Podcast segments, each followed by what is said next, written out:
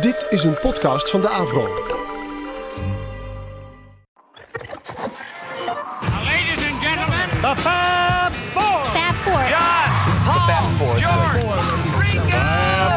Fab Four. Fab Four. We have for you the Fab Four. Fab Forecast.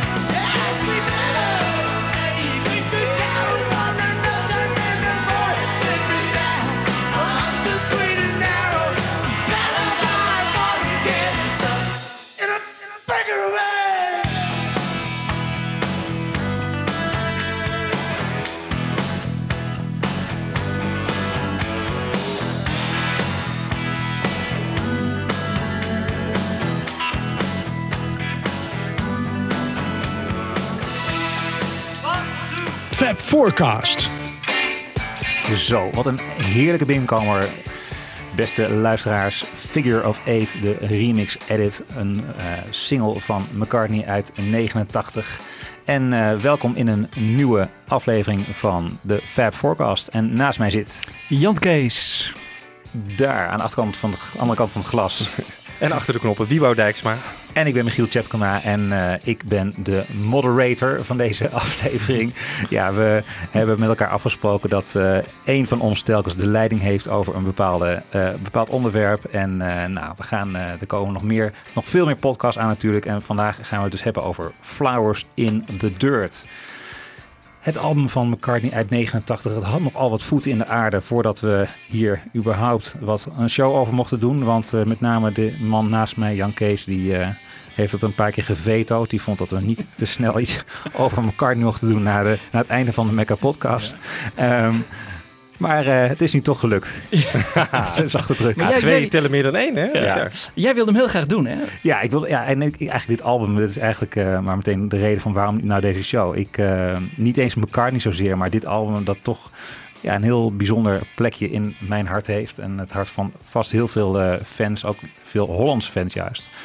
Omdat eh, hij natuurlijk, eh, nou ja, laat ik zo zeggen, ik ben ja, fan geworden in zo'n beetje 87, 88. En dit was de eerste echte studioplaat die toen uitkwam. Het was, is, een beetje, is een comebackplaat genoemd, of, echt, of dat nou echt zo is weet ik niet of je nou echt een comebackplaat moet noemen. Maar in ieder geval in artistiek opzicht denk ik wel een comeback na een paar jaren van toch iets minder geïnspireerd werk. En er valt gewoon heel veel over te vertellen. En daarom leek me leuk om eens een keer eh, te kijken of we deze ehm, plaat op de operatietafel kunnen leggen en met elkaar kunnen uh, doorvlooien. Nou, voor mij geldt inderdaad hetzelfde. Hè? Dat Flowers in the Dirt is eigenlijk het eerste McCartney-album dat ik echt bewust heb meegemaakt dat het uitkwam. Dat hij al die promo en interviews Ja. daarvoor deed. Ik heb met Press to Play, die plaat daarvoor, wel, wist ik wel dat hij eh, uitkwam. Heb ik ook even geluisterd. Maar Had je niet- ja, ik was te jong denk ik om dat te begrijpen. Want het klonk heel raar. Ik dacht, nee, dat moet ik niet hebben. Nee, nee. Nee. Ik was toen net in de Beatles. Dus ja, dan, nee, Ja. dan is dit ja, een hele bijzondere plaat. Ja. Ja. Ja. Ja, want ik, ik, ik kan me nog herinneren dat ik bij dat Countdown eh, concert was, eh, waar, die, eh, waar jij net een stukje van liet horen. Heel erg leuk, omdat eh, McCartney is natuurlijk niet veel in Nederland geweest, maar hij kwam dan twee keer naar Bussum. Eh, en die, die tweede keer was ik erbij. was echt was heel bijzonder. Je, je kon echt op een, op een paar meter afstand van hem staan. Je kon com- communiceren met hem. Dus dat was allemaal heel geweldig. Dus voor mij is dat een hele bijzondere herinnering. Ik vind het erg leuk dat jij heel toevallig dat stukje ook hier erbij hebt gekozen. Ja, dus dat was inderdaad de uitzending met eh, Wessel van Diepen. Die, eh, Ja, en ja. ook, eh, eigenlijk een hele geestige uitzending. eh, ook hoe het begint, hè, dat hij aankomt met die auto. De auto uitspringt en de microfoon overneemt. En mensen die daar op straat staan eh, Ja. gaat interviewen. Heel spontaan. En, eh, die- maar de, de, de, de nummers die hij speelt, die playbackt hij toch voornamelijk in die show. Hè? In die show wel, maar hij speelde ze ook live, kan ik me herinneren. Hij heeft een, een heel stukje gewoon live. Hij speelde ook de, de tune van, van Batman, speelde die. Eh, ze speelden allerlei grappige, kleine, leuke dingen. En dat vond ik wel heel bijzonder. Dat, ze dat ze toen eh, dat soort dingen allemaal eh, ten gehore brachten. Ja. Nou, dat hele optreden bij Countdown is eh, op YouTube gewoon integraal terug te vinden. Erg leuk om nog eens een keer te bekijken. Ehm, voor al diegenen die het alleen maar op VHS hebben, zoals ik. Ehm, en wat was het eerste nummer wat we draaiden daarna? Dat was eh, Figure of Eight, dus in de, ja, een soort eh, ja, semi-live versie. Een eh, versie die, vind ik, veel beter is dan de versie die op het album staat. Ja, mee eens. Ja. Ja. Zeker. Ja. Veel energieker. energieker. Ja. En eh, als je hem terugluistert op de plaat, dan vind ik hem zo eh, ja, een beetje netjes en gemoedelijk. En uh, lekker een basje. En, en hier gaat hij er helemaal. het klinkt veel urgenter, de, de, de vocalen. En Ja. er zit een gitaarsolo in die. Hij opende de show er ook mee, dacht ik, Ja, hè, in ja. die tijd. Eh, zou hij dat van tevoren bedacht hebben? Van dit is een goede opener. ik denk het wel. heel Ja, denk het. Ja. Maar niet in de versie zoals hij op Flowers in the Dirt stond, denk ik. Dit, dit is ook echt een, een arrangement met een middenstuk erin. Hè? Van Ja. You got Ja. me running. Ja. Dun, dun, Ja, dun. ja, Ja, heerlijk. dat is echt om, om een live eh, Ja. publiek mee te behagen, denk ik. Ja. Ja. En dat is exact deze versie. Ja. Ja. Dus, Nou, ja. Ik- hij kwam ook in zo'n klein mini-cd'tje uit, vond ik ook altijd zo grappig. Ja. Eh, Ja. Je hebt hem hier voor je liggen, maar Ja. ik, ik, ik kan me dat nog herinneren dat ik dat ding kocht. En, eh, je, je kon daar links kon je ook weer, en de- in die andere versie kon je daar links weer nog een extra toevoegen. Ja, Ja. Het was, eh, destijds werd, werd wel al het geld uit je zakken geklopt. Zeker, want, want er kwamen nog meer singles uit van deze platen. Ja. maar ja, wel waar voor je geld, want het waren allemaal Nee, die, Ja. die we niet hadden. Dus- Dat is waar. Ja. Nou ja, we gaan eh, nog veel vertellen ook over de voorgeschiedenis van het album. Maar laten we meteen maar even doorgaan naar de grote hit van het album. En dat is eh, My Brave Face. De eerste hit denk ik in Nederland van McCartney sinds eh, Once Upon a Long Ago. En een nummer dat hij schreef samen met Elvis Costello. En dat is in ieder geval een van de, een van de dingen die deze, deze platen zo interessant maken. Nou, die samenwerking, wat kunnen we daarover zeggen? Hoe kwam die tot stand? Eh, nou, dat, dat gaan we zo meteen horen. Maar we gaan eerst even een aantal fragmenten laten horen over hoe die plaat, hoe die, eh, hoe die single My Brave Face, eh, ja, eigenlijk in de hele ruwe versie samen met Costello op de tape wordt gezet. Om een beetje ja, gevoel te krijgen hoe dat nummer moet gaan klinken. Ehm, we hebben drie fragmentjes die we laten horen. We horen- eerst de demo van McCartney en Costello. Daarna horen we een versie waarin Costello de guide vocal op zich neemt. Dus hij gaat een, eh, ja, een beetje voordoen hoe het nummer zijn zou, zou moeten klinken. En daarna horen we de oorspronkelijke versie, denk ik dat het is, met alleen maar de Ja. vocalen. Eh, Ja, de vocalen echt op de voorgrond. Je hoort Ja. wel geloof ik de backing track een beetje zacht eh Ja. erachter. En dat geeft de luisteraar meteen ook al een idee van wat we gaan doen deze show. Want we gaan geen enkele oorspronkelijke versie laten horen. Maar we gaan alle nummers van de plaat ja, proberen, hebben geprobeerd om alternatieve versies voor te vinden. En dat is ons uiteindelijk gelukt. Yay! Hey, over to you.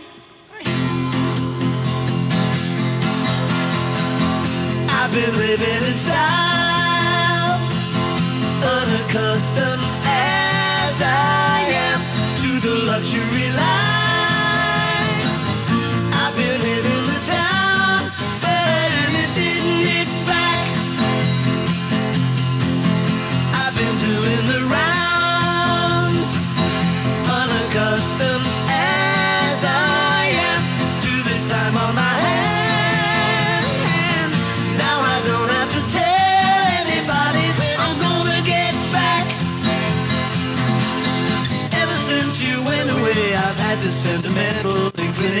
not to change a single thing. As I pull the sheets back from the bed, I wanna go bury my head in your pillow. Now that I'm alone again, I can't stop breaking down again. The simplest thing set me off again and take me to that place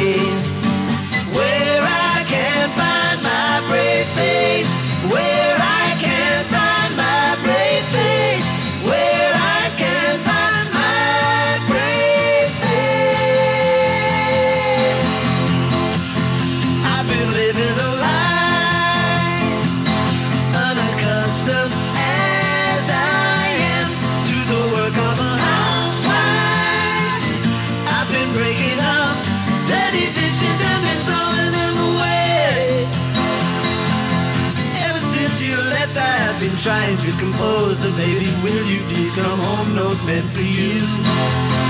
As I clear away another untouched TV dinner from the table, I lay for two.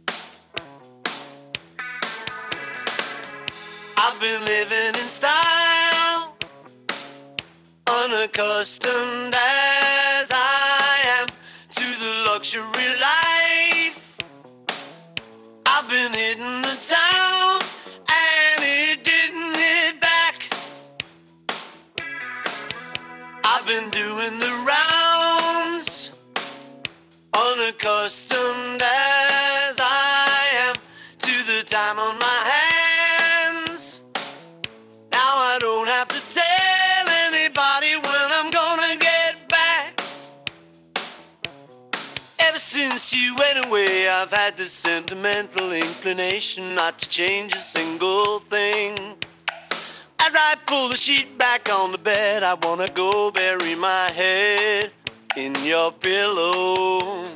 Now that I'm alone again, I can't stop breaking down again. The simplest things set me off again. Take me to that place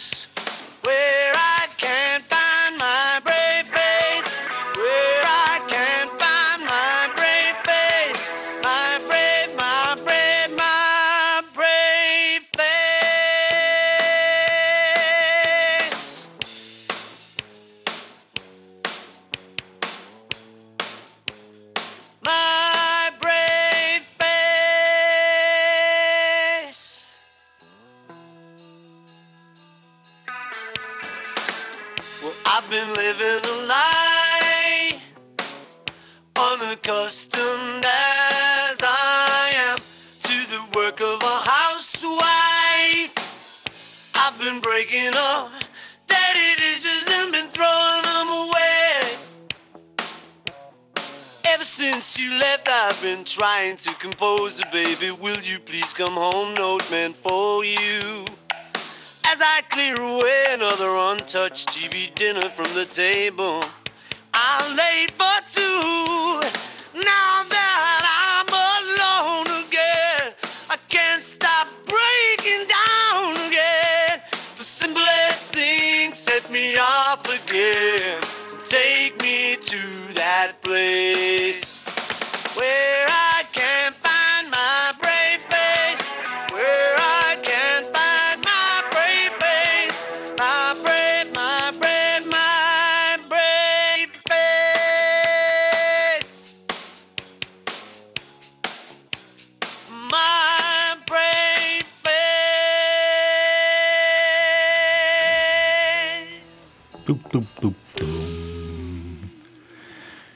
wel genieten hoor dit. Ja, wat was hij nog goed bij stemmen? Nou, dat zat ik ook te denken, ja.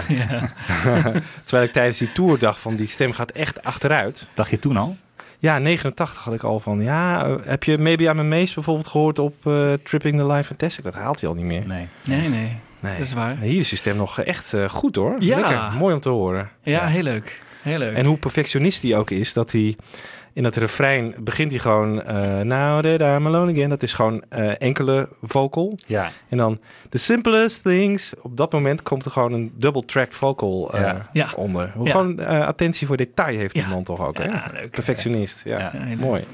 Nou, het was niet, niet zijn laatste top 40 hit in Nederland, maar wel een van, zijn- een van zijn laatste, denk ik. Eh, hoe, Ja. hoe ver is het gekomen in Nederland? Ik heb het niet kunnen vinden, maar volgens mij tot een plekje of 12 of zo. Het is een top 10 Ja, daar gehaald. ergens, ja. Gewoon een, eh, een, een goede, goede radiohit, denk ik. Ja. En ehm, nou ja, eh, Alarmschijf ook geweest, volgens Oh ja. mij. Ja. En ontzettend leuke video's had er ook bij. Dat, eh, waarin eigenlijk duidelijk wordt, en dat is natuurlijk een van de, ja, een van de dingen die hij, eh, die hij in deze tijd heel duidelijk doet, is enorm teruggrijpen op zijn Beatles verleden. Eigenlijk veel meer dan die, eh, dan die voorheen had gedaan. Ja, natuurlijk had je wel Give My Regards gehad. En, eh, maar bij Press to Play probeert hij zichzelf echt weer als een volwassen, denk ik, volwaardige solo-artiest neer te zetten. Dat lukt niet echt. Echt die plaat die, die flopt behoorlijk. En bij deze plaat zie je hem eigenlijk ja, toch wel, in ieder geval qua sound in dit nummer, Maar ook in zo'n clipje heel duidelijk teruggrijpen op zijn, op zijn eh, Beatles eh, verleden. Ja, was het niet Costello die hem ook Ja, vroeg, hè? Om zeker. die, eh, Die heeft basgitaar weer, ja, de basgitaar weer eh, terug te halen. De Ja, Hofner. zijn Hofnar gitaar weer. Ja. Ja. Ja, want de- Paul was er wat huiverig hè, daarvoor. Want hij vond dat Take Me To That Place. Dat, vond, dat gedeelte vond hij echt... Nou, dat is echt eh, Paul en John. En Ja. Ja. Costello zei van, ja, ja, dat is te gek. Maar Paul ja. die was echt huiverig. van, Nee, dat kan ik echt niet doen. Want het is Ja. gewoon te obvious. Ja, dus Ja. dat betekent misschien ook dat dat stukje ook. Ik weet niet, wat, wat, hier, wat is hier nou van Costello en wat is van McCartney? Hè? Maar eh, ik heb het idee dat dit nummer toch heel erg Costello is. Ja. Maar Ja. Ja, eh, Ook qua nou, omdat die guide vocal natuurlijk ook Ja. door Ja. Costello. Waarom zou hij dat zingen in, in de studio in Ja. eerste Ja. instantie? ja, Dat is ook apart. Nou ja, ze, ze, ze zijn bij elkaar gaan zitten, eh, volgens mij voor het eerst eind 87. En eh, het was letterlijk zo dat ze eh, ja, aan elkaar gekoppeld werden. En, en eh, Paul zei tegen Elvis van, wat heb je liggen? En hij kwam met een hele stapel, eh, een hele map met, eh, met muziek en eh, gitaar. En, en Marbury Face was kennelijk een van de nummers, volgens mij is het in aanzet als eerste van Elvis Costello, ja. ja, ja. En ik vind ook de tekst. Ik vind het een atypisch McCartney nummer. Ja. Als, je, als je hoort dat het gaat. eh, Ja, hij springt in eerste persoon. Spreekt hij over iemand die eh, ja, TV-dinners aan, het- aan het eten is. En eh, het eigenlijk eh, het leven niet meer zo in de hand heeft. En ehm, waar ik normaal, als hij over dat soort personen praat, wie die, waar het evident niet om henzelf gaat, dan spreekt hij er vaak in de derde persoon over. Hè? Weet ik veel. Uh, Ja. Uncle, Ja, ja. eh, Another Day en zo. En eh, dit bij, bij, bij Elvis Costello, die, die heeft dat vaker gedaan. Maar het is. Ja, en dat heb ik wel met meer nummers trouwens op Flowers in the Dirt. Die zijn heel duidelijk, eh, toch, er zit een heel duidelijke vinger in de pop van Elvis Costello. Ja, En dat- Day is dan bijvoorbeeld Ja. I Feel Such Sorrow. Ja, Ja. dat is eigenlijk heel kwetsbaar. Te kwetsbaar voor een Ja, McCartney voor tekst. McCartney, ja. ja, Ja. Ja. Maar ehm eh, My Brave Face, jij zei hij had dat liggen. Dus zou hij dat niet geschreven hebben met McCartney in gedachten? Of eh, hoe zie je dat? Nou, dat is even de vraag hè, van eh, hoe is het nou eh, hoe is het tot stand gekomen? Want ehm, we weten dat, eh dat McCartney, nou laat even, even, even wat kort over de voorgeschiedenis vertellen. In augustus 86 komt Press to Play uit en die plaat daar, daar gaat hij nog volop in, de, in de promotie gaat hij daar en hij denkt van nou ja, ik, het is gewoon een- ja, I like it. Ik vind het wel een fijne plaat die echter enorm flopt en ehm, weinig doet. Ehm, nou, McCartney toch een beetje in paniek, heb ik het idee. En dat vind ik toch wel het mooie. En daar heb ik ook toch wel weer bewondering voor hoe hij zichzelf eigenlijk eh, ja, toch weer als een soort eh, baron van Münchhausen aan zijn haren omhoog trekt uit het moeras. En probeert weer eh, ja, gewoon erbovenop te komen. Want eigenlijk in een vrij kort bestek gaat hij in, in 87 een aantal belangrijke stappen zetten. Allereerst neemt hij een nieuwe manager aan in, op 1 mei 1987. Dat is Richard Ogden. Ja. En die, ehm, en die zegt eigenlijk van Paul, je kan er gewoon niet meer op vertrouwen dat jij met jouw Beatles verleden eh, wel even garant staat voor miljoenen verkopen. Dat is nu wel gebleven. Dus je moet, gebleken. Dus je moet echt gewoon hard aan de bak. En veel zorgvuldiger eh, met je platen gaan maken. En niet, niet, maar, niet meer vert- vertrouwen op die massaverkoop.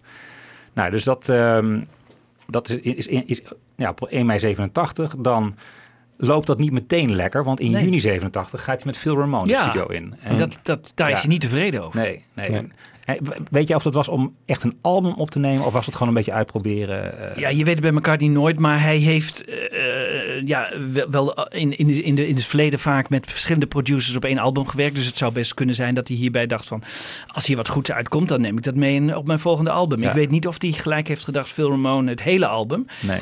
Maar Maar Return to Pepperland, was het, was, weet je ja, of dat, dat... dat was toch wel een gedateerd nummer. Het was eigenlijk heel raar. Eh, Ja. Niemand begreep- Ik dacht dat hij het zelfs eerst aan George Martin had aangeboden, maar dat hij dat niet wilde. Afijn, het, was, het, het is een beetje een vreemd, eh, Ja. vreemde eend ook in de bijt. Eh, Nou, Het was je- een compleet album toch? Helemaal af, Return to Pepperland? Nou, nou, of- nee, nee, nee, volgens nee, mij niet. nee, nee, nee, Nee? niet helemaal. Nee, nee, nee. Hij heeft een aantal nummers eh, met Phil Ramone opgenomen, maar niet compleet af. Nee, er zijn wel nummers die toen al zijn opgenomen en dan later ook weer terugkomen hè, in, Ja. eh, op Flowers. Zeker, zeker. This One heeft hij eh, volgens mij, Ja. dateert al uit die tijd. Ja. Ehm, Ja.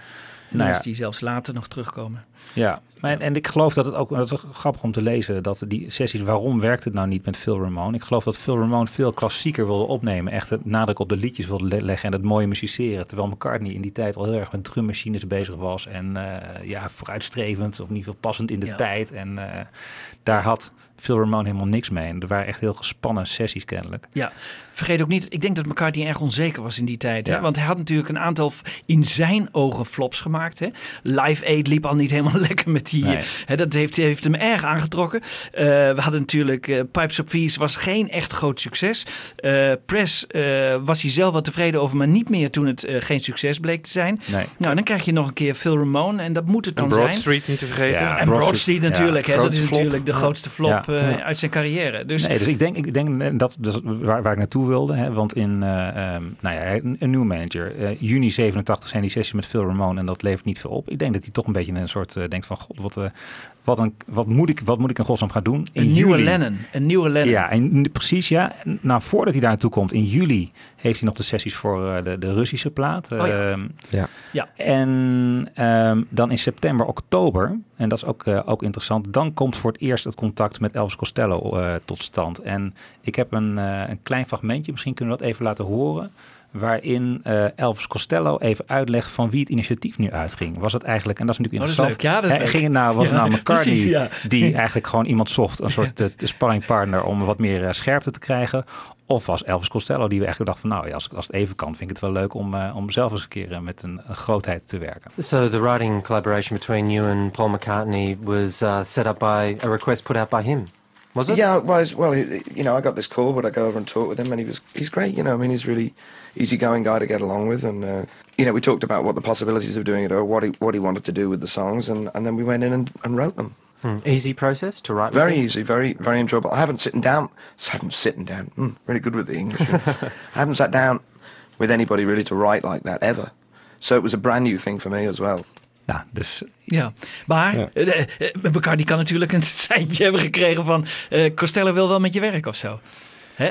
Ja, wie wil dat niet? Welke artiest? Ja, dat zou niet. kunnen, dat zou kunnen. Maar ik zelf heb toch echt een Ja. idee dat, en, eh, dat het eh, eh, van, eh, van McCartney uitging. Die, Ja, die ze kennen elkaar nog van, eh, van eer van begin jaren tachtig. Hè? Ja, van het Concert for Kampuchea. Volgens mij hebben Ja. ze daar allebei ook gestaan. Daar, Daar hebben ontmoet. Ja, maar ja. Dat, dat is in 79, als ik me niet Ja, vergis. Ja? dat klopt. Ehm, en Dus dat was het allereerste misschien? later, als hij Tug of War opneemt, dan is eh, eh, ook Elvis Costello in diezelfde, volgens mij de Abbey Road Studios. En dan neemt hij Imperial Bedroom op met Jeff Emmerich achter de producersknoppen. Dus daar zien ze elkaar al een beetje lopen. Kennelijk spreken ze elkaar daar ook wel even. En ehm, Ah, het is wel grappig om te lezen later bij, eh, bij ehm, ehm, Jeff Emmerich in zijn boek Here, There and Everywhere. Daar schrijft hij dat van alle artiesten met wie hij ooit gewerkt heeft, dat eigenlijk eh, eh, Elvis Costello voor hem het meeste aan, de- deed hem het meest aan John Lennon denken. Ja. Gewoon het pure, de, de- nou ja, de, de, inspiratie ter plekke en het, eh, de, de ingevingen, eh, de, de, de gedrevenheid. En ehm, nou ja, eigenlijk stond het in de sterren geschreven, zou je kunnen zeggen, dit, deze samenwerking, dat die ooit een keer tot stand zou moeten komen. Ja. Heeft toch geen vervolg gehad eigenlijk, hè? uiteindelijk?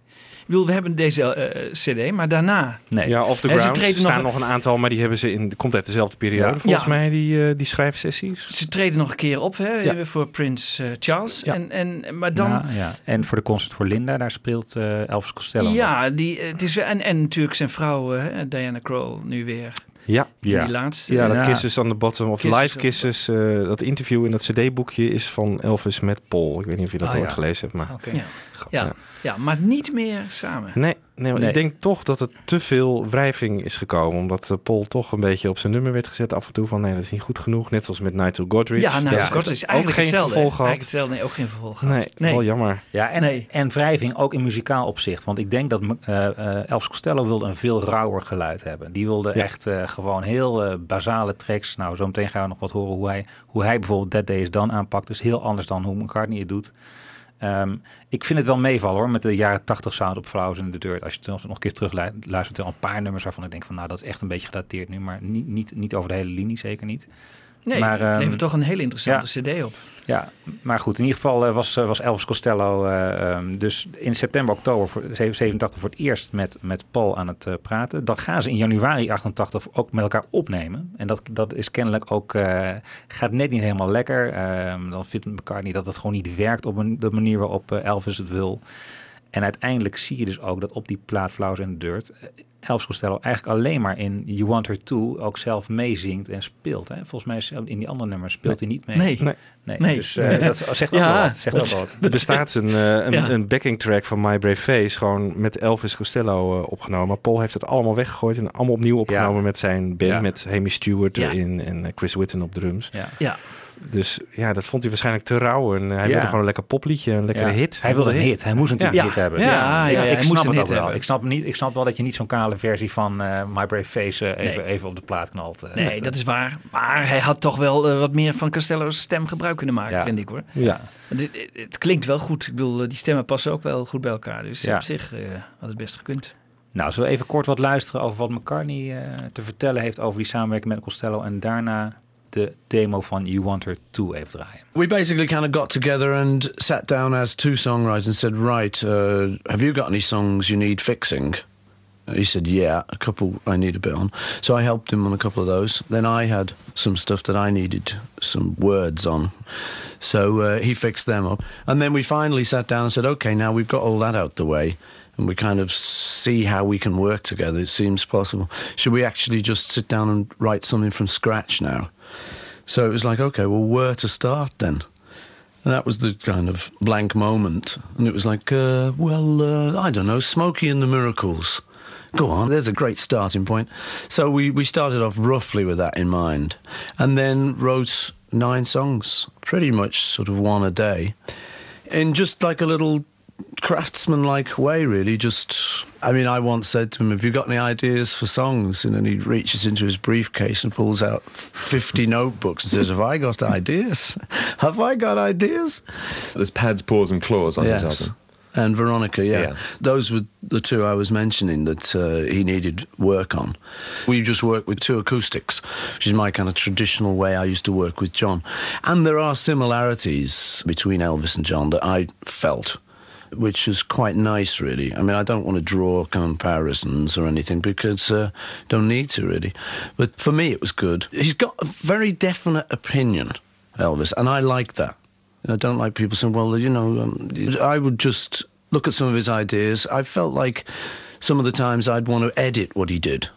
And later he'd come in maybe the next day and sort of say, oh, I didn't think that was a good idea, but I'm really glad we took that little bit out there because it's made it much better.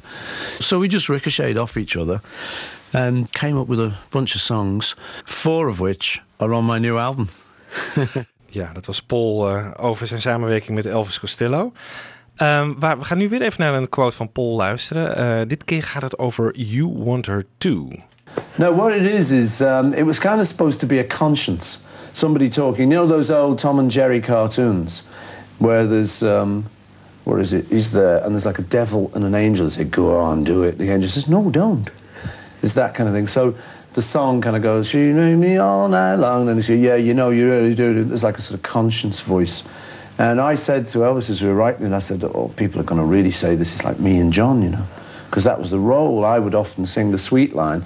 John would then sing the sort of sarcastic line, and that was was a good thing, you know. Um, so he, he said, "Yeah, well, you're right. You know, maybe it is a bit too like that." And we naturally fell into it, and it was kind of very hard to resist. So what, what happened was for, for quite a while while we were mixing it and while we were finishing off recording it, I would say, "I- "I'll sing that other line."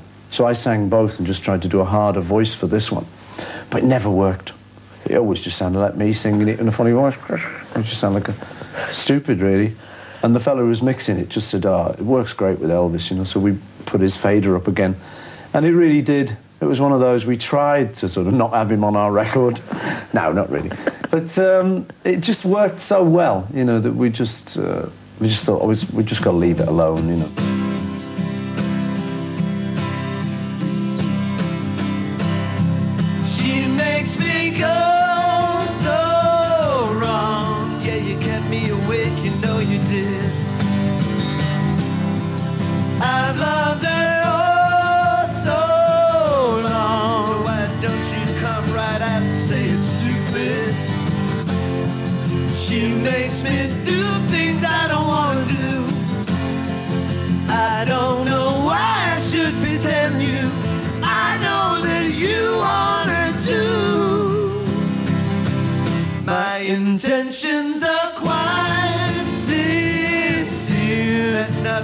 Said the other night. And all you can do is sneer. Go ahead and kid yourself, you're right. She makes me do things I don't want to do. I don't know why I should be telling you. I know that you wanted to. I've got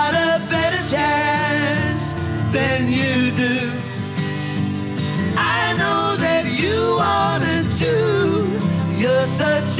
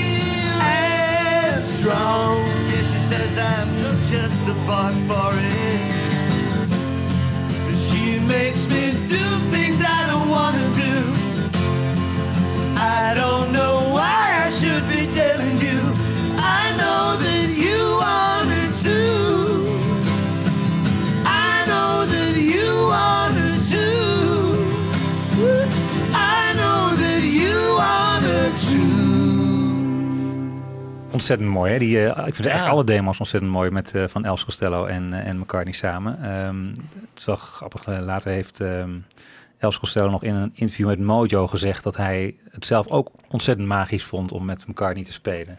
Ja. Ehm, Ja. Ze speelde toen geloof ik eh, The Lovers That Never Were en daar schreef hij dan over van het is hier, hier staat een man die in, zeg maar, in zijn I'm Down voice eh, gewoon helemaal losgaat in een soort ballad en eh, dat was echt eh, ja, enerverend om het Ja. eh, op zijn zacht te zeggen.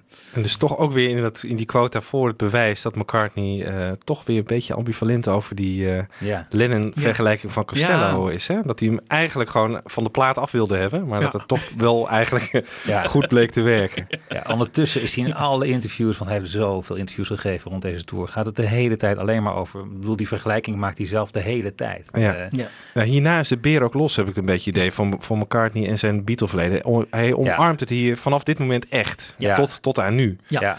Ja. Ja. Dus daar is Costello wel Ja. een beetje verantwoordelijk voor geweest. Je hebt hem ook die, die Hofner-base eh, weer laten pakken.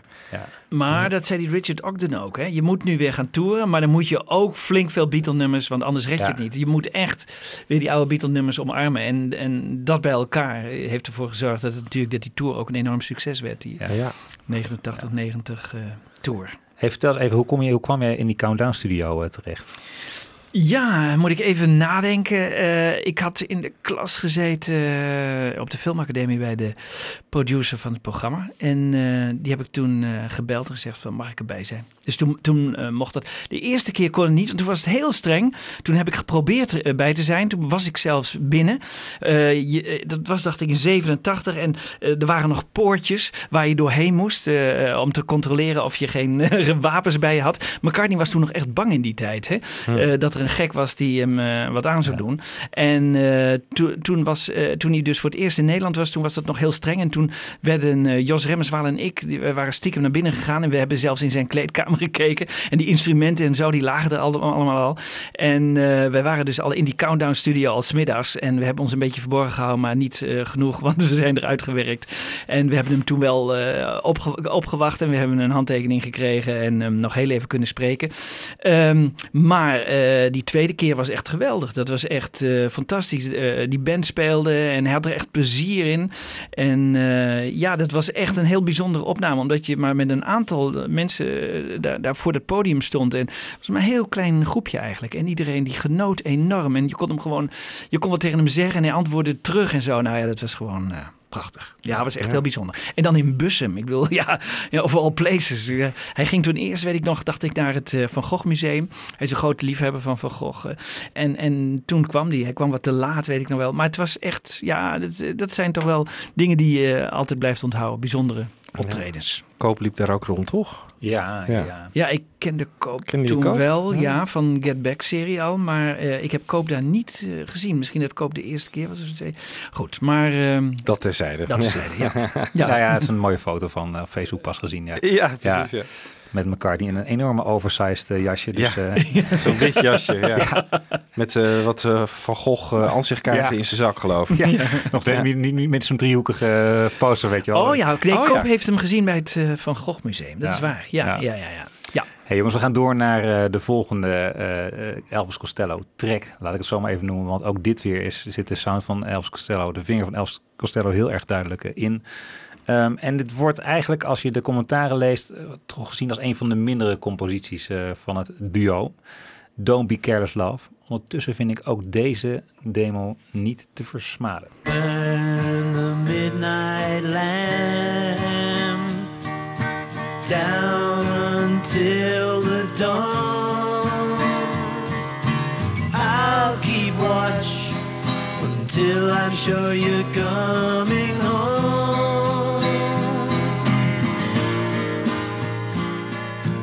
Shadows play and flicker on the bedroom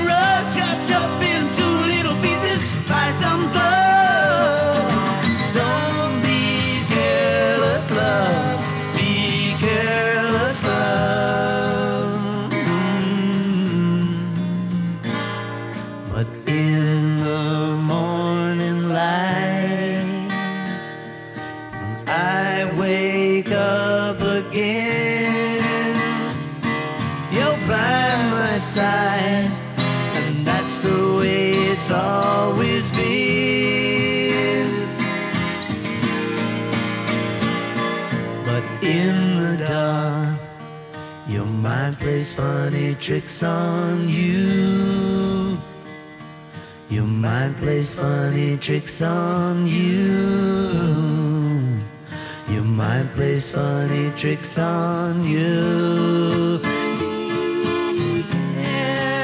Careless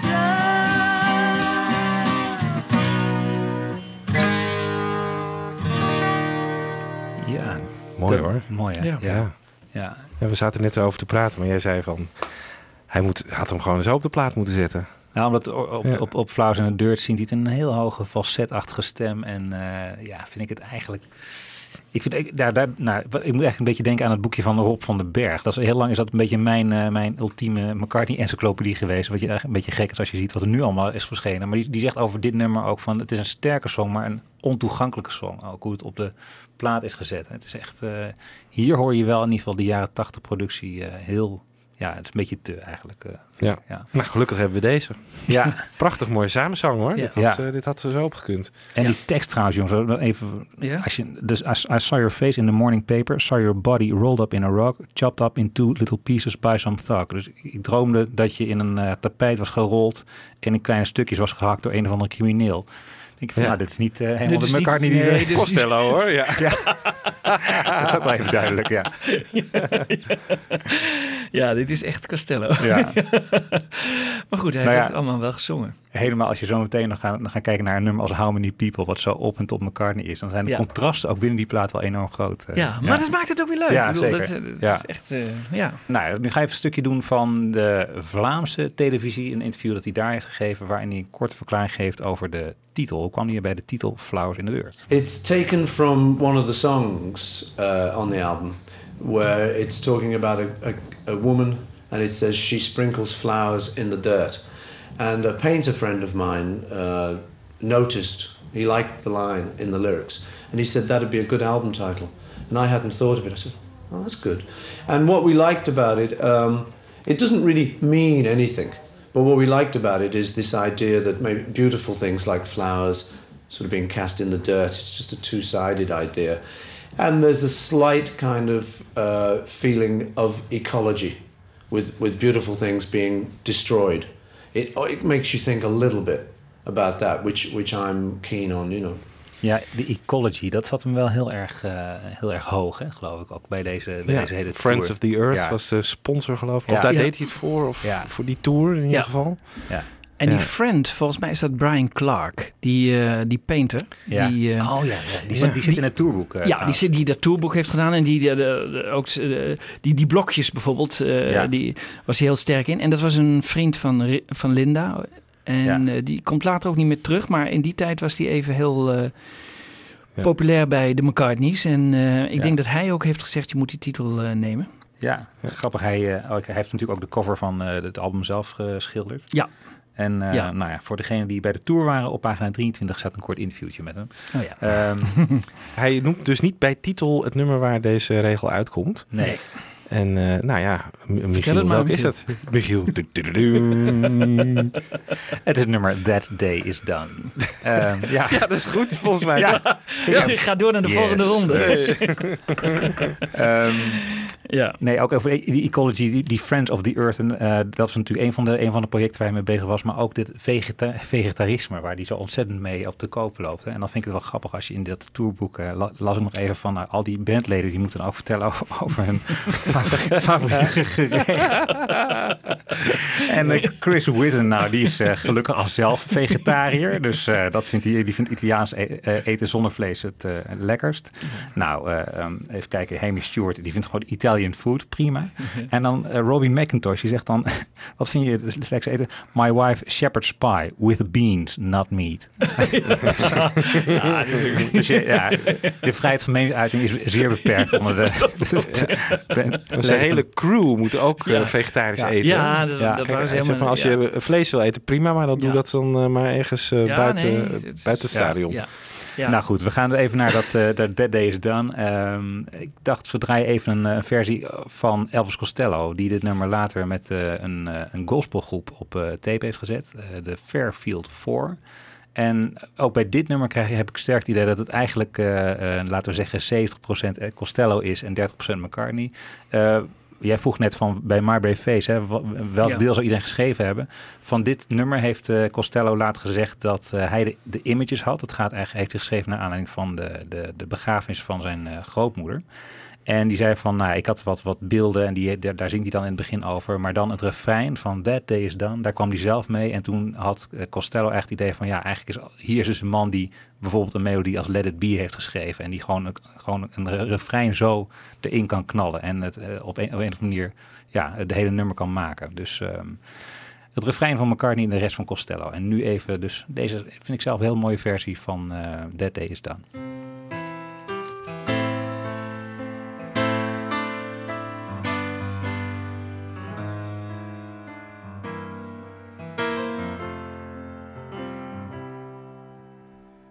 I feel such sorrow, I feel such shame. I know I won't arrive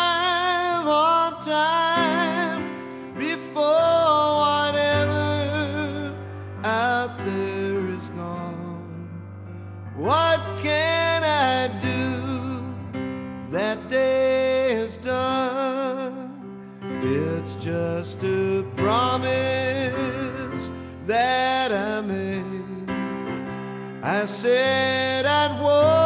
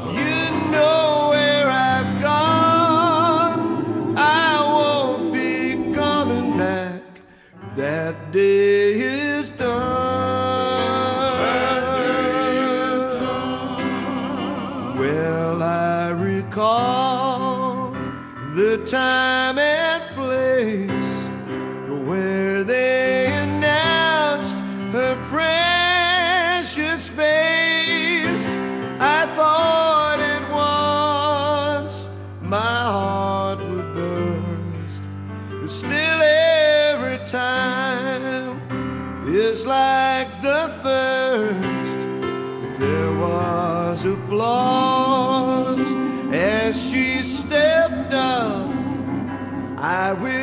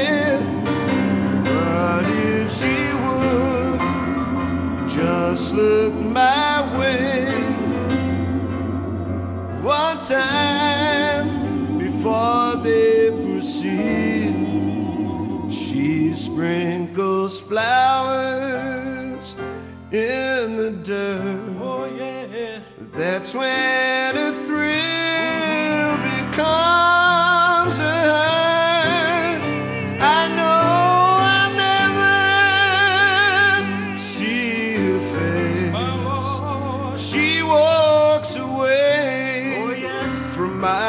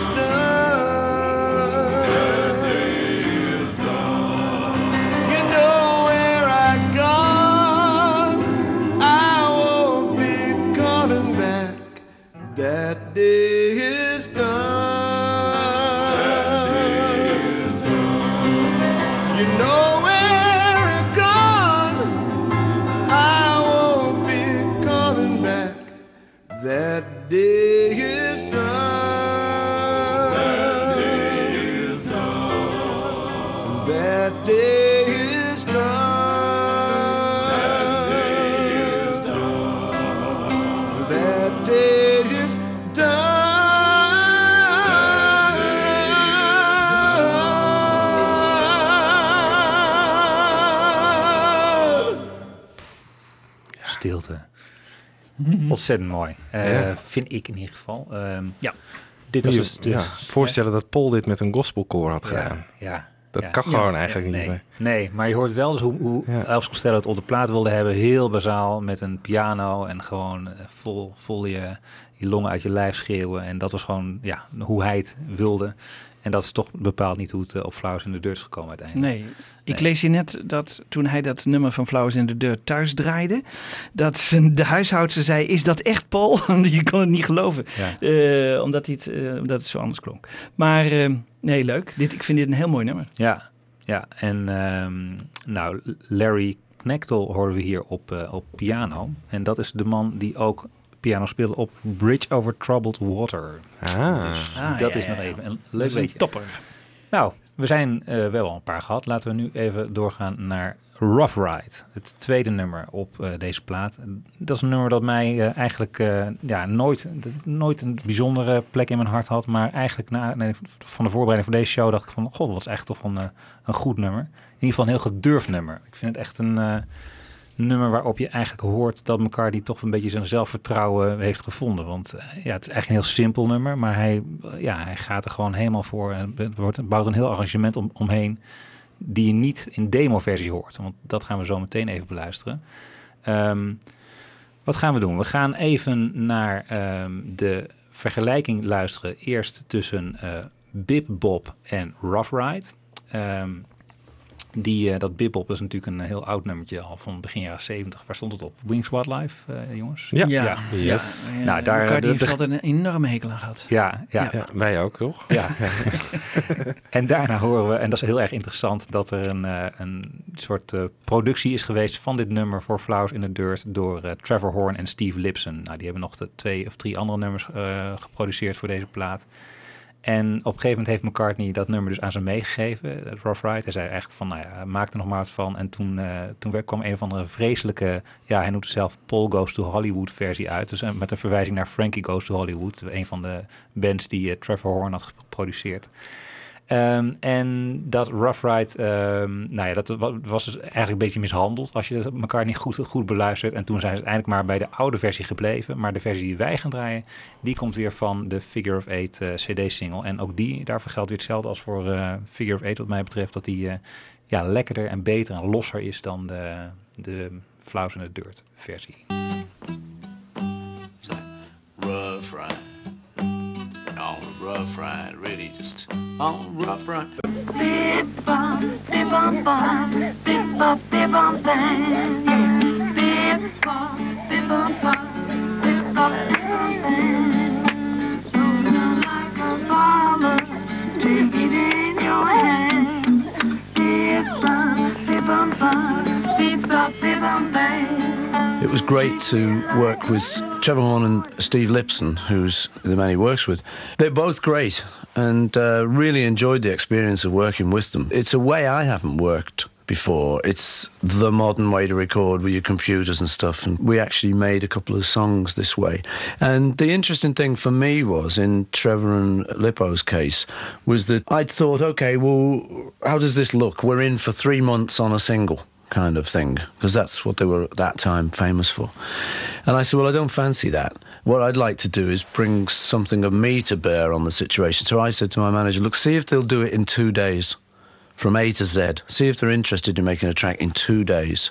And so the word came back that they were up for that. So we did our first track. He liked the skimpiest thing I had, which was just a track. It was my my attempt at the time to do a real basic twelve bar blues kind of or one bar blues. It just went on and on and on, and it was called Rough Ride. This is the thing, you know. We just worked like loonies for the two days, and then it was mixed at like I don't know twelve o'clock, two in the morning or something. The end of the second day, before we all went home and knocked off. And then they actually took it away and tried to fix it all up and make it good, which is like again another modern phenomenon, I think, because you've always got endless time. Well, you can always say to your man these days, look, man, modern recording takes a lot of time. You know, I need three more months. Well, if you're in a certain position, you can anyway. And a lot of people do work that way, I've noticed. And they'd wrecked it. They'd ruined it. It, it, it was Paul Goes to Hollywood. It was just something very funny. And it was great, though, because they admitted it. They kind of sat down and said, oh, great, yeah, we've wrecked it. No, we didn't need to go. It's great as it is.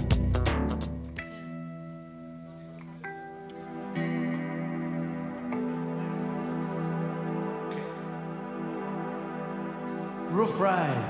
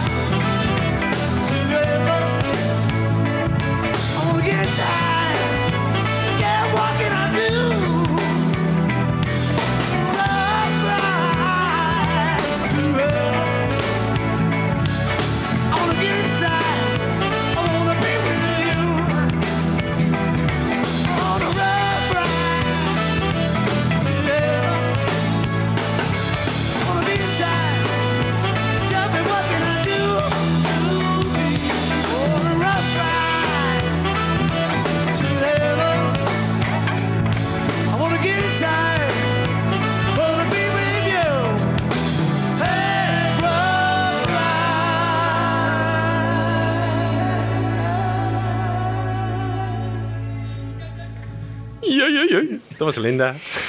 Ja. Die hoorde je ook aan het begin heel goed, hè? Ja. Linda, ik bedoel, Ja. heeft hij nog enige rol van betekenis gespeeld op deze cd, eh, Michiel? Nou, ehm, wat mij in ieder geval opviel, ik heb altijd gedacht dat Linda eh, maar met één hand piano kon spelen. Maar als je in de Poeder Der documentaire kijkt, dan is ze een paar keer toch echt met twee, twee handen op het toetsenbord. En heb echt dat je denkt, van, nou, ze speelt nu wel met één hand wat anders dan de andere hand. Dus, eh, ja, dat... eh Ze heeft wat geleerd in de tussentijd, denk ik. Ja. Ja, Nee, ik maar denk- geen vogeltjes of zo, hè? Nou, dus aan het begin van dit nummer, dus daar, daar hoor je haar helemaal... eh, ah, dus Ja. ja. ja, dat is eigenlijk het enige moment dat ik me echt kan herinneren. Ja. Ehm, Nou ja, Ja, dus misschien zitten ze wel in de koortjes van My Brave Face. tamboerijntjes. Ja. en dat Ja, maar dingen. niet opvallend of zo, hè? Nee, nee, Nee. nee. nee, Nou, dat doet Wix allemaal. Het eh, echte toetsenwerk. Ja, als het echt eh, iets Maar die- wordt, ja. doet hij het. In ieder geval is het een plaat waarvan hij ook duidelijk dacht van... er moet een plaat zijn waar ik een beetje mee kan toeren. Waar ik een beetje gewoon... eh, Ja. hij- natuurlijk ging hij veel teruggrijpen op zijn Beatles verleden... maar ook, eh, ook van deze plaat wilde hij veel, veel spelen. Ja. Nou, hij kwam natuurlijk in november 89 naar, eh, naar Rotterdam. En ehm, nou, hij heeft daar net als alle andere avonden van die tour... ehm, toch behoorlijk wat van deze plaat gespeeld. Figure of Eight dus. Rough Ride speelde hij. We Got Married. ehm, Put It There. This One. My Brave Face. Wow. Nou, dus dat is echt een eh, Ja, behoorlijke veel. Dwarsdoorsnede. Ja.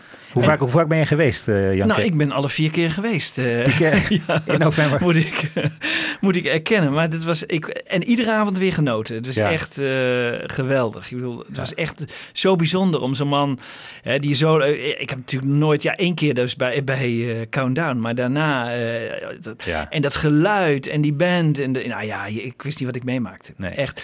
Hè, want in de jaren zeventig heb ik ze nooit live zien spelen. Dus, Ja. dus toen, toen, dat was echt geweldig. Dat was echt heel erg bijzonder. Ja, ik ben Oh, oh. op 10 november geweest. eh eh, dat concert, volgens mij was het het derde concert. Ja, want Ik heb dat verhaal ook wel eens bij de Mecca podcast verteld, hè, van Figure of Eight. Dat ik daar echt helemaal van ondersteboven was. Dat was de opener van het concert.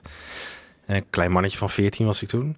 En ik was toen al van, oh, dit is zo'n veel betere versie dan die, eh, Ja. die saaie studioversie Ja. die op de Ja. plaat staat. Ja, En later stond dus die versie van mijn concert eh, op Tripping Ja. ja. Fantastic. Gaaf, ja. ja. Ja. oh ja.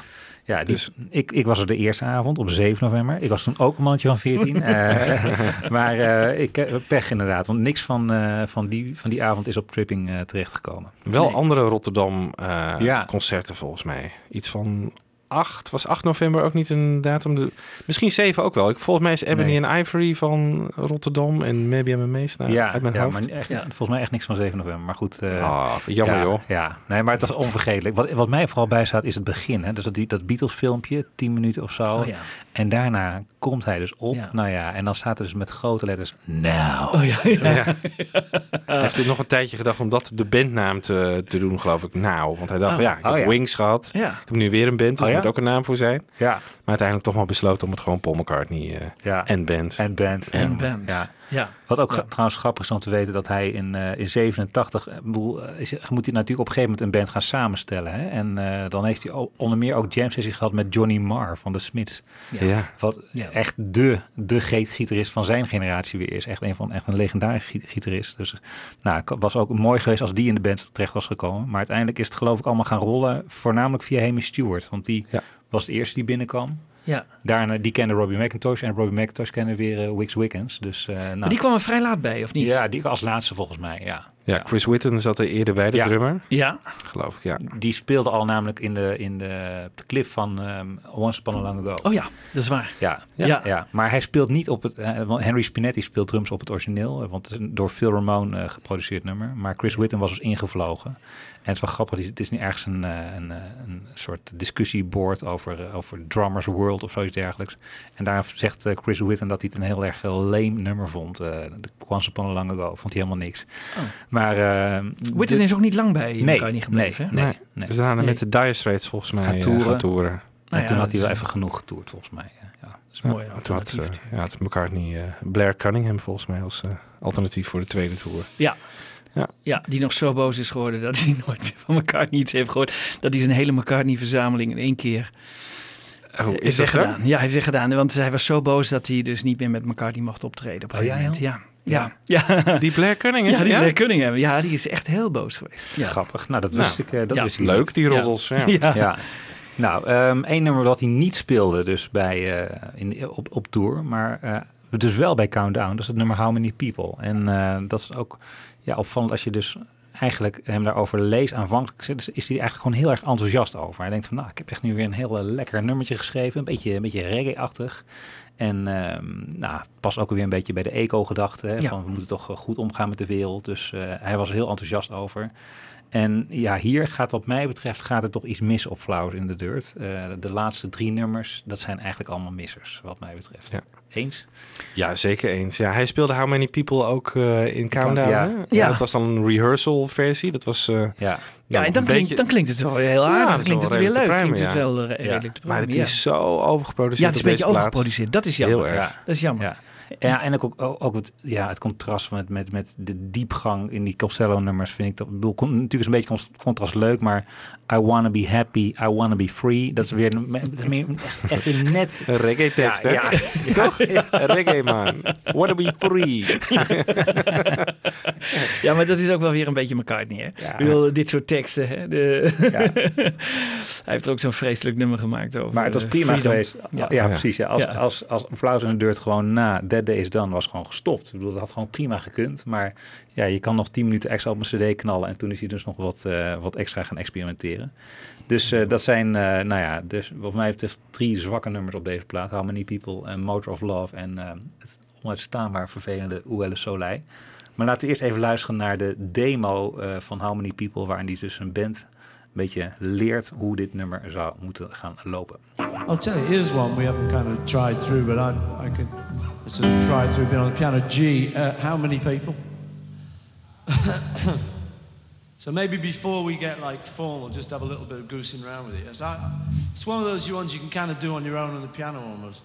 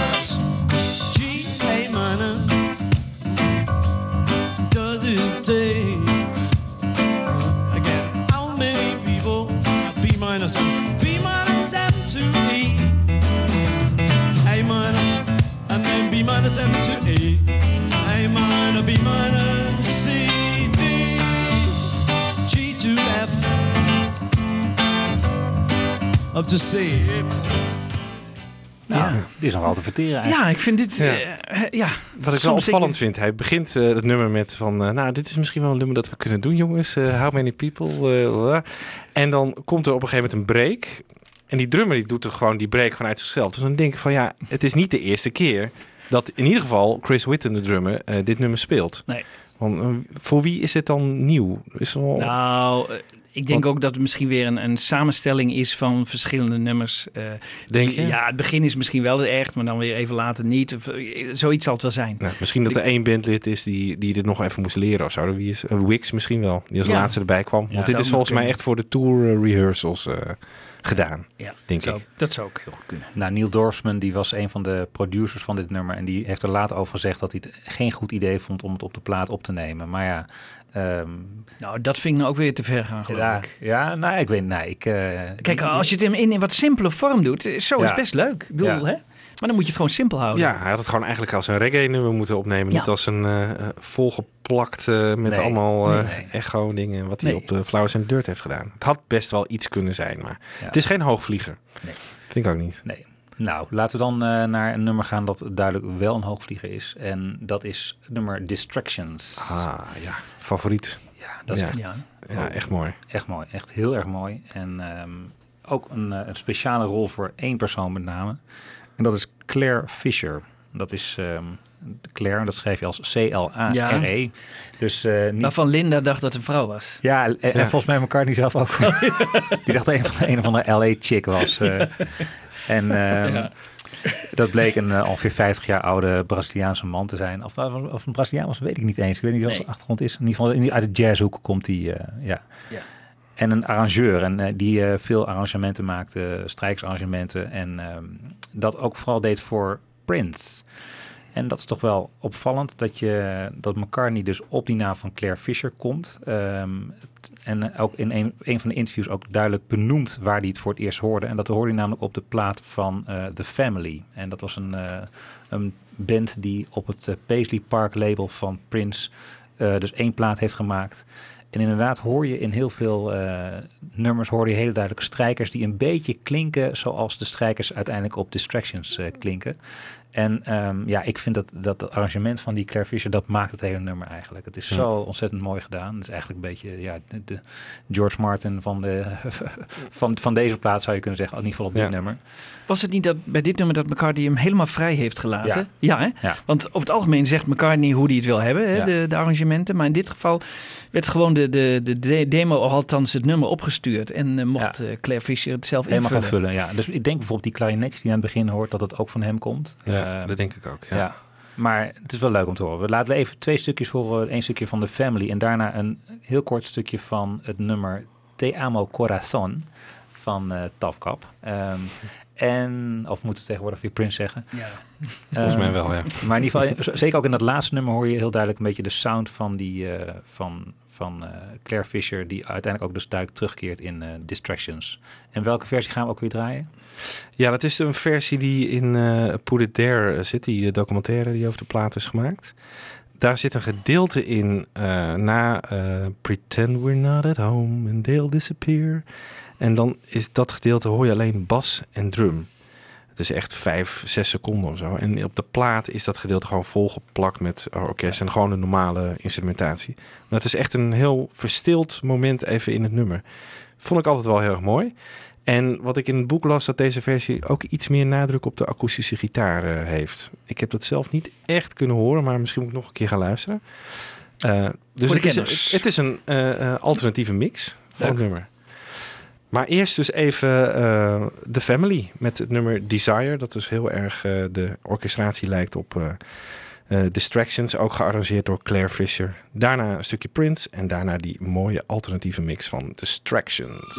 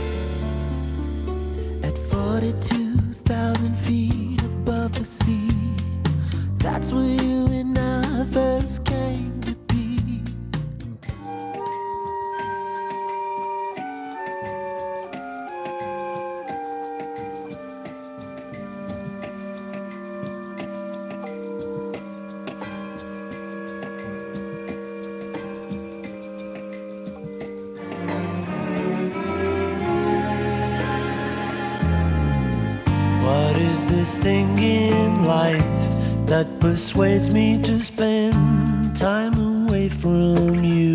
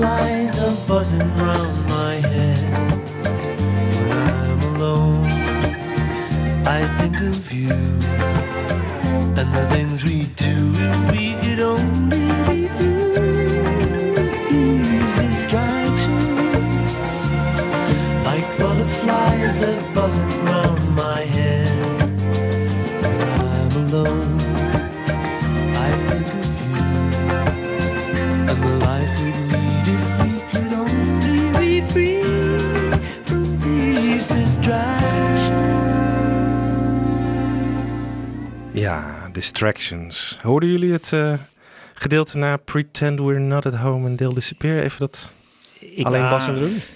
Laat, ja. even, laat er even horen. Oké, nou, laat zet hem nog even aan. Komt-ie. Pretend we're not at home, and they'll disappear.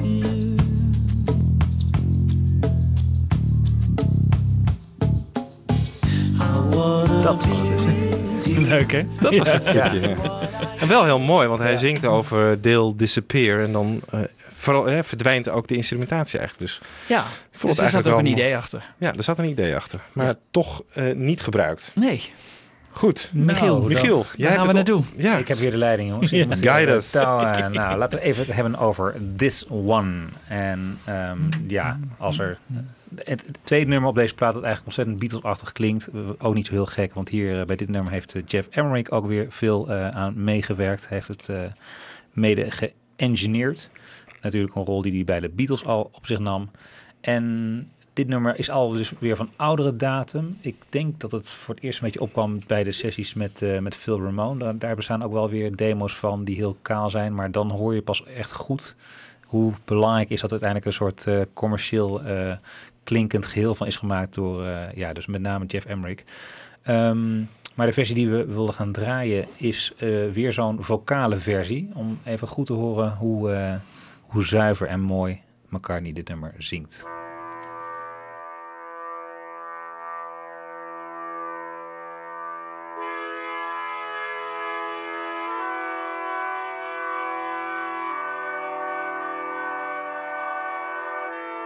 Did I ever take you in my arms, look you in the eye, tell you that I do?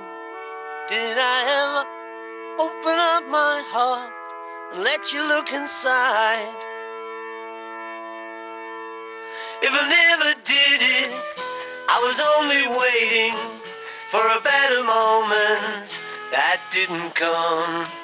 There never could be a better moment than this one. This one, this one is gliding above the ocean. A god is riding upon his back. How calm the water and bright the rainbow fade this one to black. Did I ever touch you on the cheek? Say that you were mine. Thank you for the smile. Did I ever knock upon your door and try to get inside?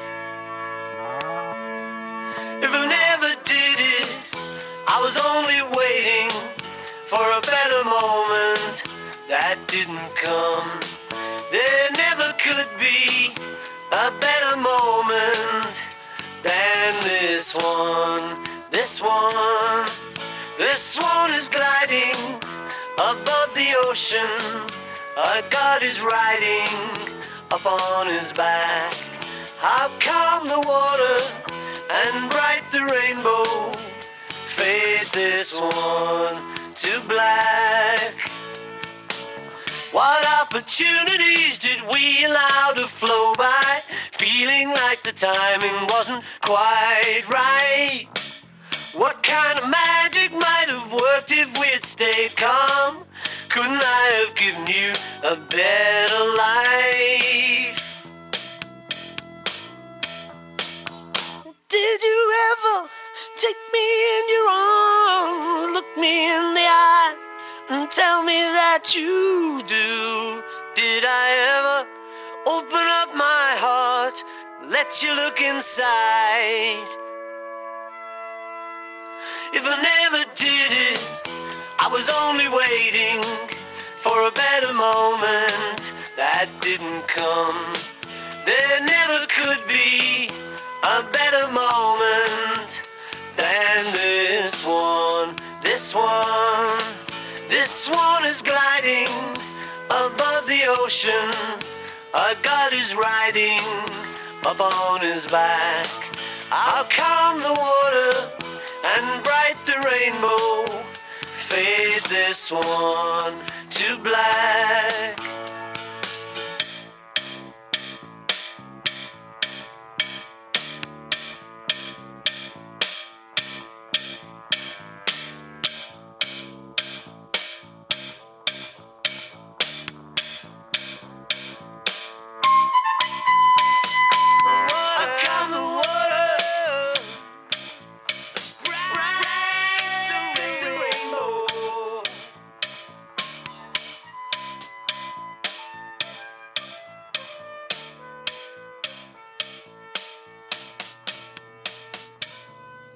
Ja, grappig ook om dat eh, einde te horen, waar eh, het eigenlijk op een gegeven moment bijna een soort ander nummer wordt. Hè? Het gaat helemaal, eh, ja, het ontspoort niet, maar het wordt wel echt een... een- hij wilde in ieder geval niet gewoon een, een fade-out van maken, maar eh, ja, er zingt er nog wat aan vast. Waar, waar komt dit vandaan, jongens, deze versie? Die heb ik ergens vandaan gehaald, maar dat is dan een 5.1 versie. Dus eh, dan is het op, ehm, eh, op video verschenen en dan eh, wordt er een mix bijgeleverd van 5.1. Dus dan kun je alles loshalen en dan kun je de vocals ook loshalen. Dus zo kwam ik er weer aan. Ja, dus het is eigenlijk gewoon een officiële versie, maar dan... eh, je, hebt de, je haalt de mix eigenlijk een beetje uit elkaar. Ja, oké. Dus we Nou. kunnen niet gesuwd worden dat we dit uit de archieven van McCartney hebben gejat Nee, of zo. nee, Ja. helaas, helaas. Helaas. Nou, daar ben ik blij om. Ja. ja. Eh, het was ook natuurlijk een singeltje en die schopt uiteindelijk tot nummer 31 in onze vaderlandse top 40. Eh, en was ook overigens in de wereld niet een hele grote hit. Nog wel nummer 8 in Oostenrijk, lees ik hier. Maar ehm, ja, Ja, dat, daar doe je het niet voor Daar doe je het niet voor, nee. nee. Aan het begin is ook wel grappig, dat lees ik hier bij eh, dat Lu- Luca Perazzi. Daar hoor je een, ehm, een hele hoge noot en dat is een, een wijnglas. Daar probeert McCartney drie wijnglazen synchroon te laten klinken met water. Oh, dit is ook altijd zijn liefhebberij hè, met Ja, die wijnglazen. ja.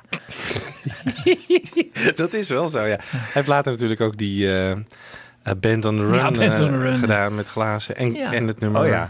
eh, heet dat Glasses of zo? Op, Ja. eh, Ja. op Ja. McCartney? Ja, al in Ja. 70 al. Ja. Nou, Ja. we- en in Love and Song hoor je aan het eind hoor je melkflessen. Dat hebben we toch bij de allereerste Ja, aflevering. Dus dat is echt, eh, we moeten daar een keer een Ja. thema-uitzending van maken. McCartney en glas. En glas. Ja.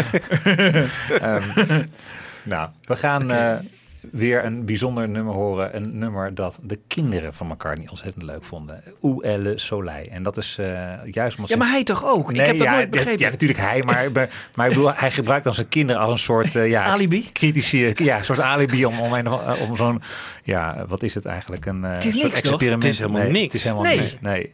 En waarom toch? Ja, Hè? waarom toch? Ja. En dan ook uit 1975 een nummer of zo. Dat is Ja, zo het lang. heel Zo oud. oud, Ja. ja? Ja, ja. En dan toch, toch Hij blijven hoort- komen. Hij hoorde een keer iemand een flart zeggen, zeg maar, Où est le soleil. En die, Ja. die zin die blijft dan hangen. En Ja. dan gaat hij daar gewoon, eh, ja, denkt van, nou, daar moet ik echt nog een keer een nummer over schrijven. Anders eh, kan ik het niet uit mijn systeem krijgen of zo. Ik denk dat Ja. het zo bij hem zit. Ja, maar ja, goed, dat is dan leuk eh, bij de haard. Maar eh, Als je nu in eh, Spotify gaat kijken, dan eh, valt ook op dat Flauws en Dirt staat gewoon op, maar Où est le soleil is er afgehaald. Alsof, Ah. alsof het niet, niet bestaat. Dus hey, misschien- dat is interessant. Maar eh, als je dat dan één keer doet, is leuk. Maar hoeveel versies kennen we niet van Hoe le Soleil? Het is een hele 12 inch eh, met, al met hoe- ik Ja. weet niet hoeveel versies. eh, Nou ja, dan, daar word je toch gek van. Ik Ja. wil, als het nou een goed nummer was, dan, dan kan ik er alle mogelijke versies van horen. Maar dit, ik begrijp dat niet. Dat begrijp ik dus niet. Dat begrijp ik echt niet. Hij, dit stond ook alleen op de CD-versie, geloof ik. Op de LP-versie Oh. was, dat, was dat dit nummer niet bij. Oké. Nee. Het is echt een bonus track. Ja, een eh, bonus track ja. waar we niks aan hebben. Ja, Nee. precies. Ja, nou jammer. Jammer, Ja. maar goed, ik wil, ik wil het plezier van jou, Michiel, niet verpesten. Nou, ja, Het is toch een van je favorieten, hè, Michiel? Ja. Ja, jouw catchphrase. Hoe le soleil? We gaan nu de gehele 12-inch versie draaien.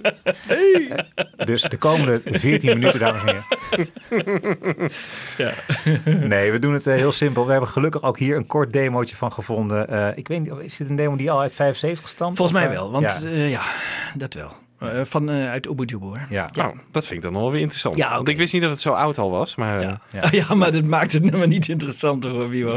het het krijgt wat meer geschiedenis of zo op een of andere manier. Ja. Nou goed, Ja. laten we maar naar gaan luisteren. Où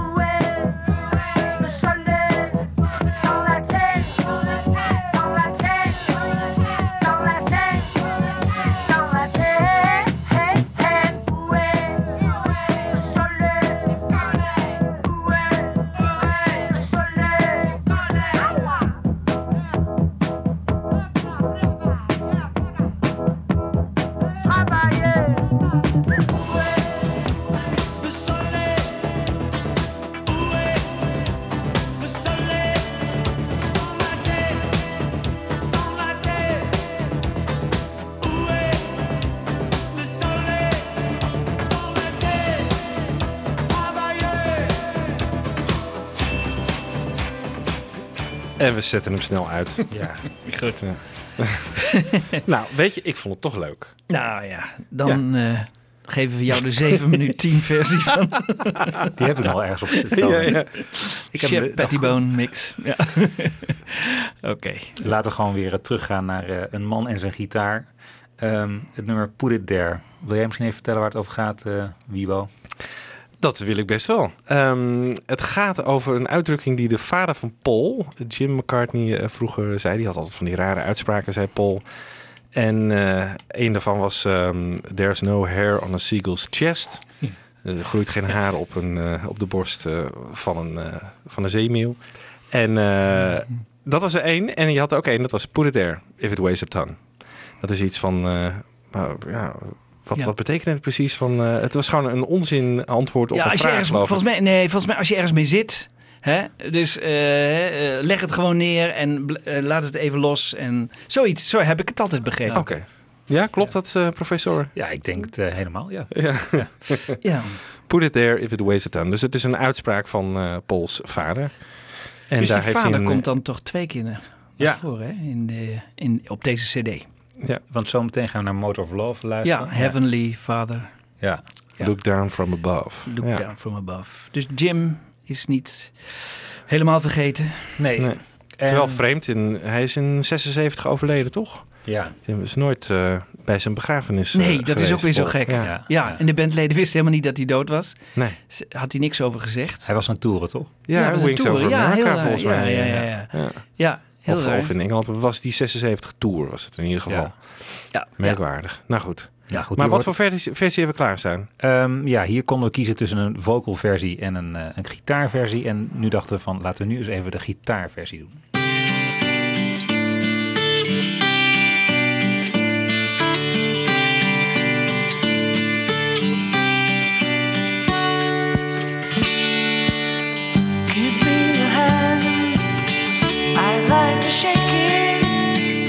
I wanna show you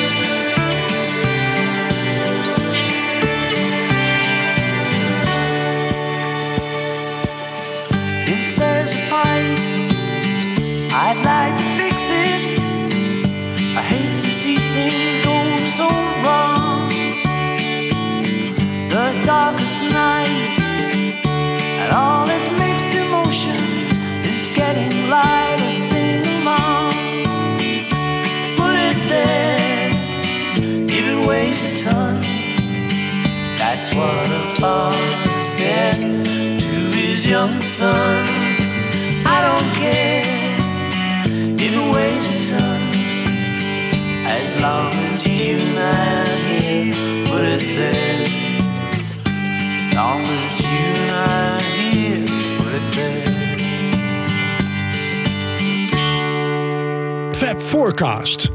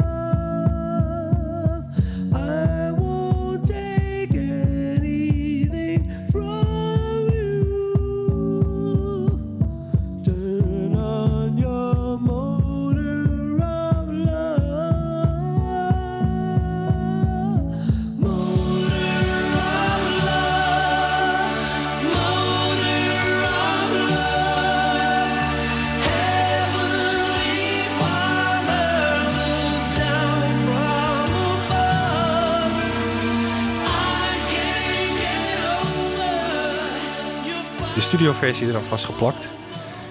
Komt weer uit de Ubu Jubu, denk ik. Ja. Dit? Ja. Komt uit Kennelijk een nogal moeilijke geboorte gehad in de studio, dit nummer. Ehm, hij vond het uiteindelijk nodig om het aan twee externe partijen te geven. Chris Hughes en Ross Cullum. Die ook maar één nummer hebben geproduceerd op eh Flowers in the Dirt. En die veel met Tears for Fears onder meer gedaan hebben. En dat, dat eh, ja, hoor je wel heel erg duidelijk terug in de uiteindelijke versie op Flowers in the Dirt. Ik vind juist deze kale eh Motor of Love versie, die demo, die, die laten zien wat het in potentie heeft, hè, dit nummer. Ja, Dat- ja, we zeiden nog tegen elkaar. eh, Het is jammer van die drummachine, maar eh, het klinkt Ja. wel heel mooi. Ik bedoel, hij had Ja. daar best iets van, Ja. eh, iets heel simpels. hè. Ik kan me herinneren dat ik toen ik dat nummer voor het eerst hoorde, dat ik het heel erg mooi vond. Maar ik zat denk ik ook met oren van de jaren tachtig toen te luisteren. En echt een jaar daarna al of zo kon ik het niet meer, kon ik niet meer uitstaan. Nee. Het was te Volgens mij te duurt het ook totaal duurt het gewoon zeven minuten. En Ja. het, is- het gaat maar door. Het is echt, eh, er komt ook geen punt aan. Nee, Nee. het is... ehm, Hij heeft het nooit live nee, gedaan, zes hè? minuten achter. Nee, nee. Nee. Het doet me altijd een beetje denken aan, aan 10cc en dat I'm. I'm Not Ja. in Love. Altijd, Ja. oh, Ja. die Ja, ja, dat. hijgende koortjes of zo. Ik weet niet. Maar zei Ja. jij niet iets over eh, de connectie met Drive van eh, de Cars? Oh ja. Ja, dat, dat geluid wilde hij. Maar ik heb dat drive van die Cars nooit gehoord. Maar dat wordt in ieder geval eh, genoemd in alle stukken. Erover dat eh, McCartney graag eh, die, die sound wilde hebben van drive van de Cars. Nou, dan kunnen we het even draaien, want dat is echt... eh, Klinkt dat, ik- eh, ja, heb je, hebt het gehoord. zeker. En, en, Ja. en het klinkt echt ook zo als, eh, als eh, Motor of Love. We gaan het nu horen. Oh, die drum, ja. Ja.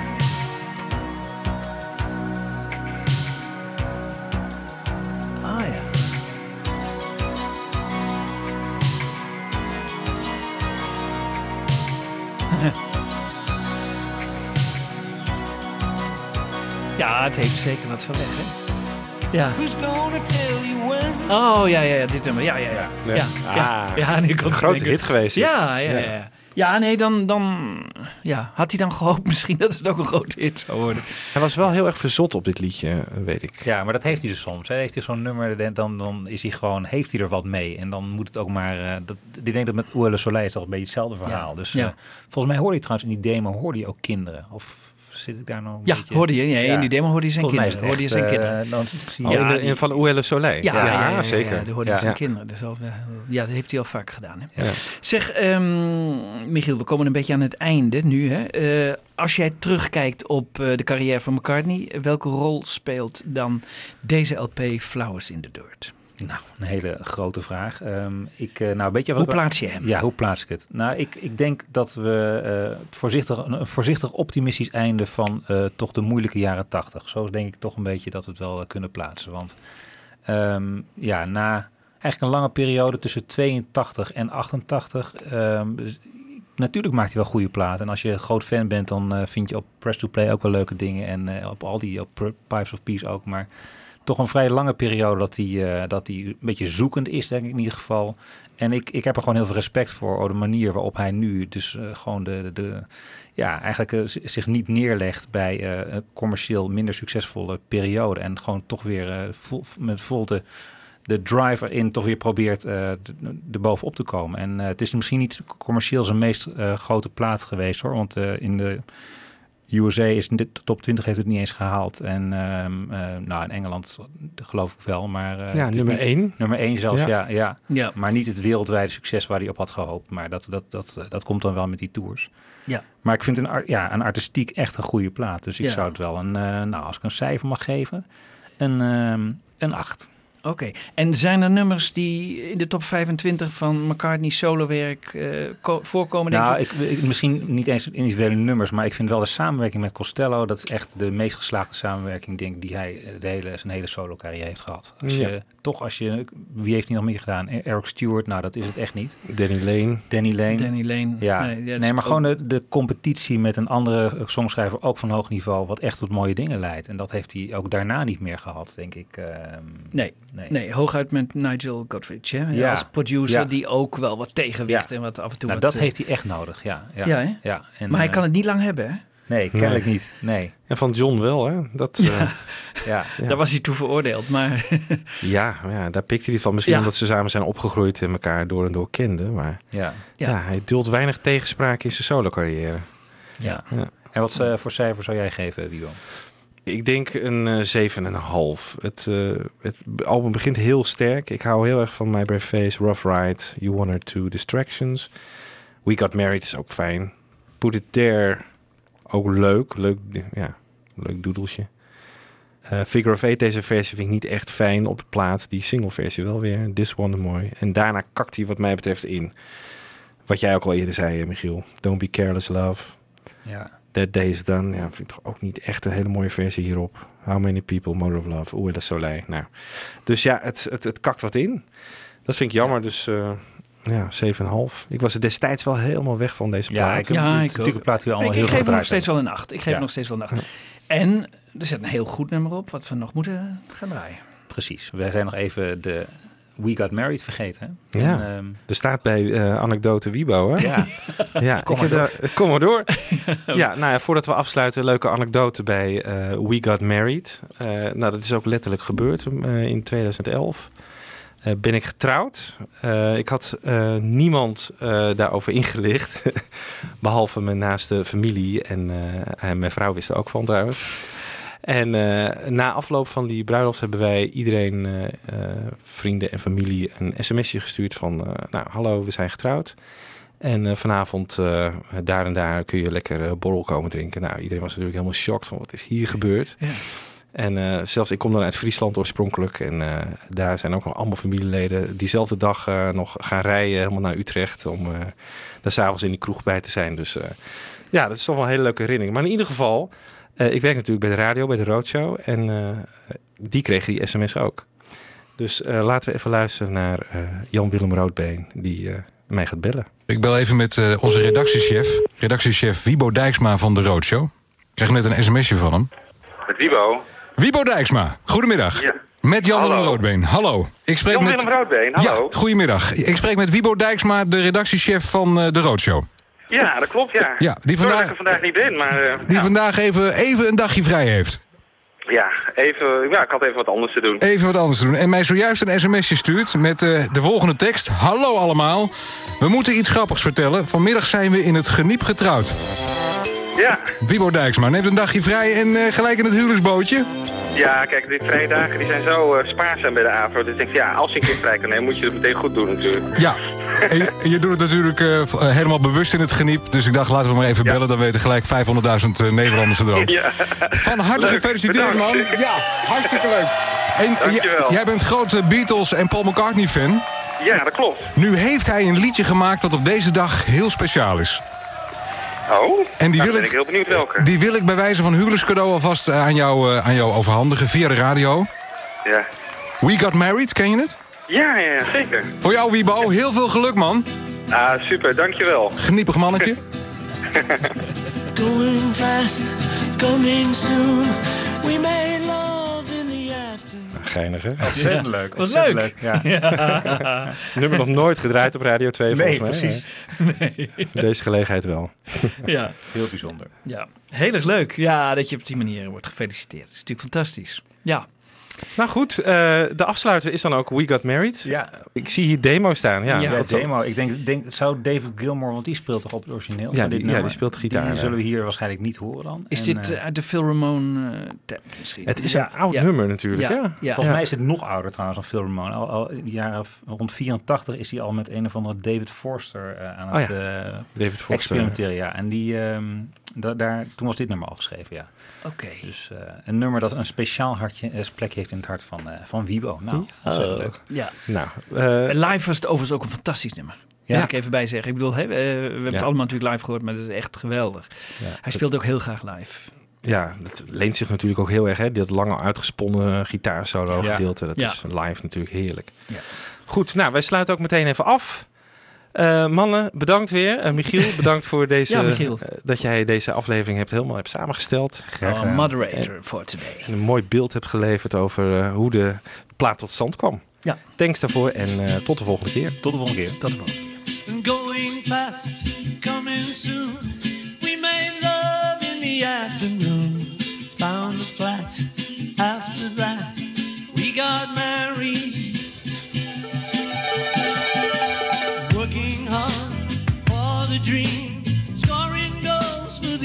17, times were bad.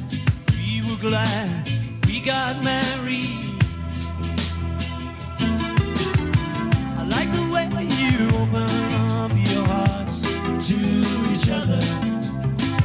When you find a meeting of the mind, just as well, love was all we had wanted. It was all.